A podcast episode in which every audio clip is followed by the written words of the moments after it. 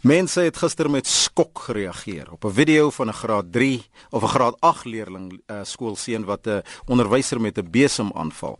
Nou die voorval het by Glen Vista High gebeur. Later in die dag het 'n skietvoorval by Sasselburg Hoërskool net soveel opslag gemaak. In die geval het 'n 15-jarige leerling glo sy oupa se vuurwapen skool toe geneem om met boelies af te reken. Die adjunk hoof van die skool het hom probeer keer en die vuurwapen het in 'n struweling afgegaan. 'n Onderwyser is in die been gewond en daar was die afgelope tyd ook ander voorvalle waar leerders hulle maats op skool of of of, of uh, onderwysers geterroriseer het.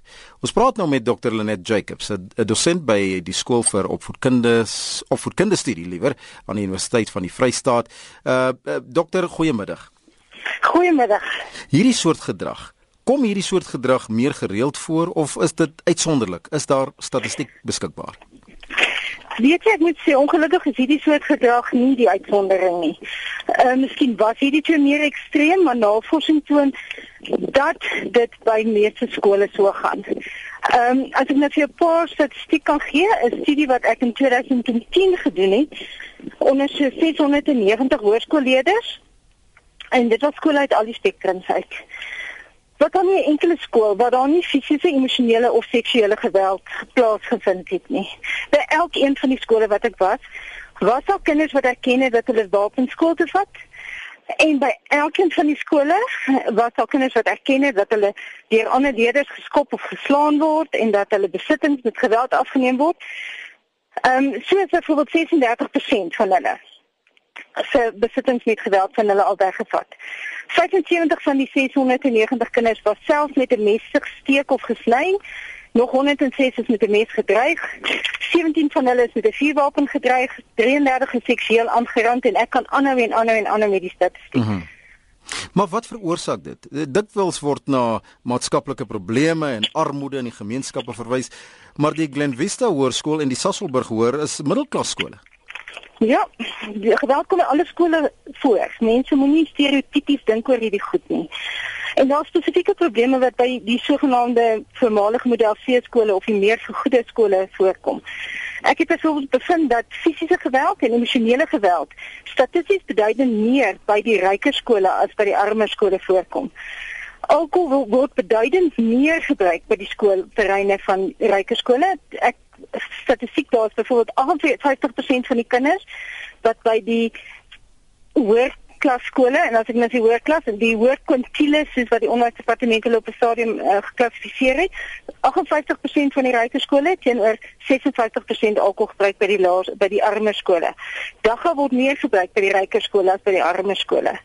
Ehm um, meer kinders in die ryker skole bring messe en ander skerp voorbeelde uh, voorwerpe as wapens skool toe.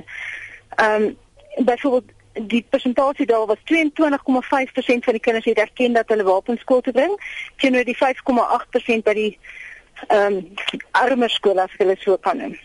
Lady um, dan mhm. dan bring hulle ook knippels en stokke en cricketkolwe en golfstokke se skool toe. Dit klink ernstig. Nou lê die probleem by die ouers of die skool of die onderwysers?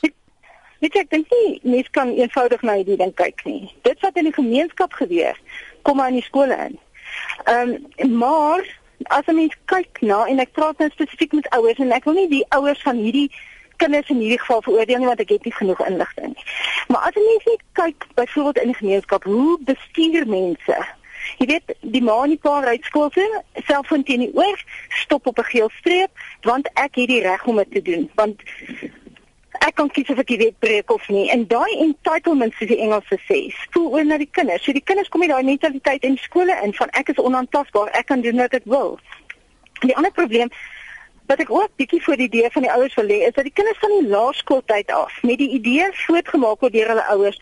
Die ouers dink hulle kinders is volmaak en die onderwysers is altyd verkeerd. So as daar die kind in die moeilikheid kom met die skool, dan sal die ouers self 'n leuen vertel om die kind uit die moeilikheid uit te kry. Die ouers cover vir die kinders in plaas daarvan dat die ouers saam met die onderwysers staan om die kinders te dissiplineer. Maar dit is nie net die ouers se skuld ook nie. Ek ek weet daar's baie probleme in die onderwys self. Vandag ehm um, die onderwysers kry regtig swaar. En as ons kyk na die optrede van die twee onder die twee groepe onderwysers in hierdie geval, haal ek my hoed vir hulle af. Hmm. Want in albei gevalle het die onderwysers in die beste belang van daai kind opgetree. Ek ek dink die mense wat na daai video gekyk het, meeste mense voel hele hy het iets teruggedoen het. Hmm. Maar die feit dat hy dieselfde dissipline gehad het om om te draai en weg te stap spreek van professionele optrede. Net so die onderwysers in die Sassenburg insident, ehm um, hulle het nie gedink om hulle self te help nie. Hulle wou die kinders help. So onderwysers maak foute, ouers foute en kinders maak foute. Hmm. Maar daar moet gewerk word daaraan dat kinders geleer word om verantwoordelik te wees. Kinders kan nie sê hulle het regte, hulle het al die wonderlike regte en dit is nie verkeerd nie. Maar saam met regte kom verantwoordelikhede. En daai boodskap kom nie by die kinders uit nie. Nou baie luisteraars sê jy mag glad nie jou hand lig teen 'n leerling nie. Hoe moet die groter probleem dan in die gemeenskap of die onderwysstelsel opgelos word of uh, dui dit ook aan aan aan 'n leemte in in in ons onderwysstelsel? Weet jy, ek van die skole se kant af. Ek my raad aan hulle dat hulle moet hande vat saam met die beheerliggaam, saam met die ouers en konsekwent dissipline toepas. Jy weet as 'n kind weet as ek A doen, gaan B met my gebeur en ek praat nie van lyfstraf nie want lyfstraf is onwettig. Maar as 'n kind elke dag in elke klas dieselfde reëls hoor en dieselfde reëls toegepas kry, dan raak hulle in daai gedrag ingesosialiseer soos ons sê. Met ander woorde, as ek in onderwyser A se klas hierdie ding doen, dan gaan ek gestraf word. As ek by onderwyser B dieselfde doen, gaan ek weer gestraf word. Die kinders kom vinnig dit agter. So waar skool as skole kan saam staan en erken by elke skool is daar probleme. Dit is nie net by die ander wie ook al die ander is nie. Dis ook by my, dis ook by my skool. Al is ek miskien een van die vooraanstaande skole, daar is ook probleme in my skool. So wat gaan ons hier aan doen? En 'n uh, konsekwente dissiplinestelsel implementeer en daarbey bly. En dan die mense in die gemeenskap. Weet jy, ek hoor dikwels dat mense in die gemeenskap sê, "Het jy gesien wat doen daai en daai skool? Die kinders loop in die straat en rook. Hoekom sê julle dit vir mekaar? Bel die skool."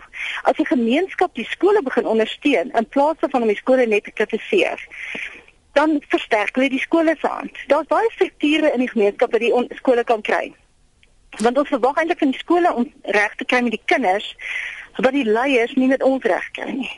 So die kinders moet beter optree as wat ons in die gemeenskap optree. Dis wat ons eintlik verwag van hulle. En, dit, en dit kan net gebeur as alle rolspelers absoluut doelgerig daaraan werk om kinders te dissiplineer. Ek sê nie kinders is sleg nie. Maar kinders het dissipline nodig. Hulle moet presies weet wat die reël is. Sien daar daar sê spreekwoord wat sê die safety inconsistency. En hulle moet hulle veiligheidsstelsels in plek kry en konsekwent dit toepas. Die kinders moenie met wapens in die skool kan inloop nie. Op 'n manier moet daai kinders leer om met tafelklikke gaan al is dit die topskole in die land. Daar kan nog steeds kinders inkom met wapens. So kry die wapens uit die kinders uit en hou die kinders konsekwent by dieselfde reëls dan gaan dit beter gaan maar mens moet mense kry wat wat in die gemeenskap is en wat kan help daar's baie kundiges wat kan help En so sê Dr. Lenet Jacobs, dosent by die skool vir opvoedkundige studies aan die Universiteit van die Vrystaat en hier op die SMS lyn sê iemand lyfstraf my antie jy mors jou asem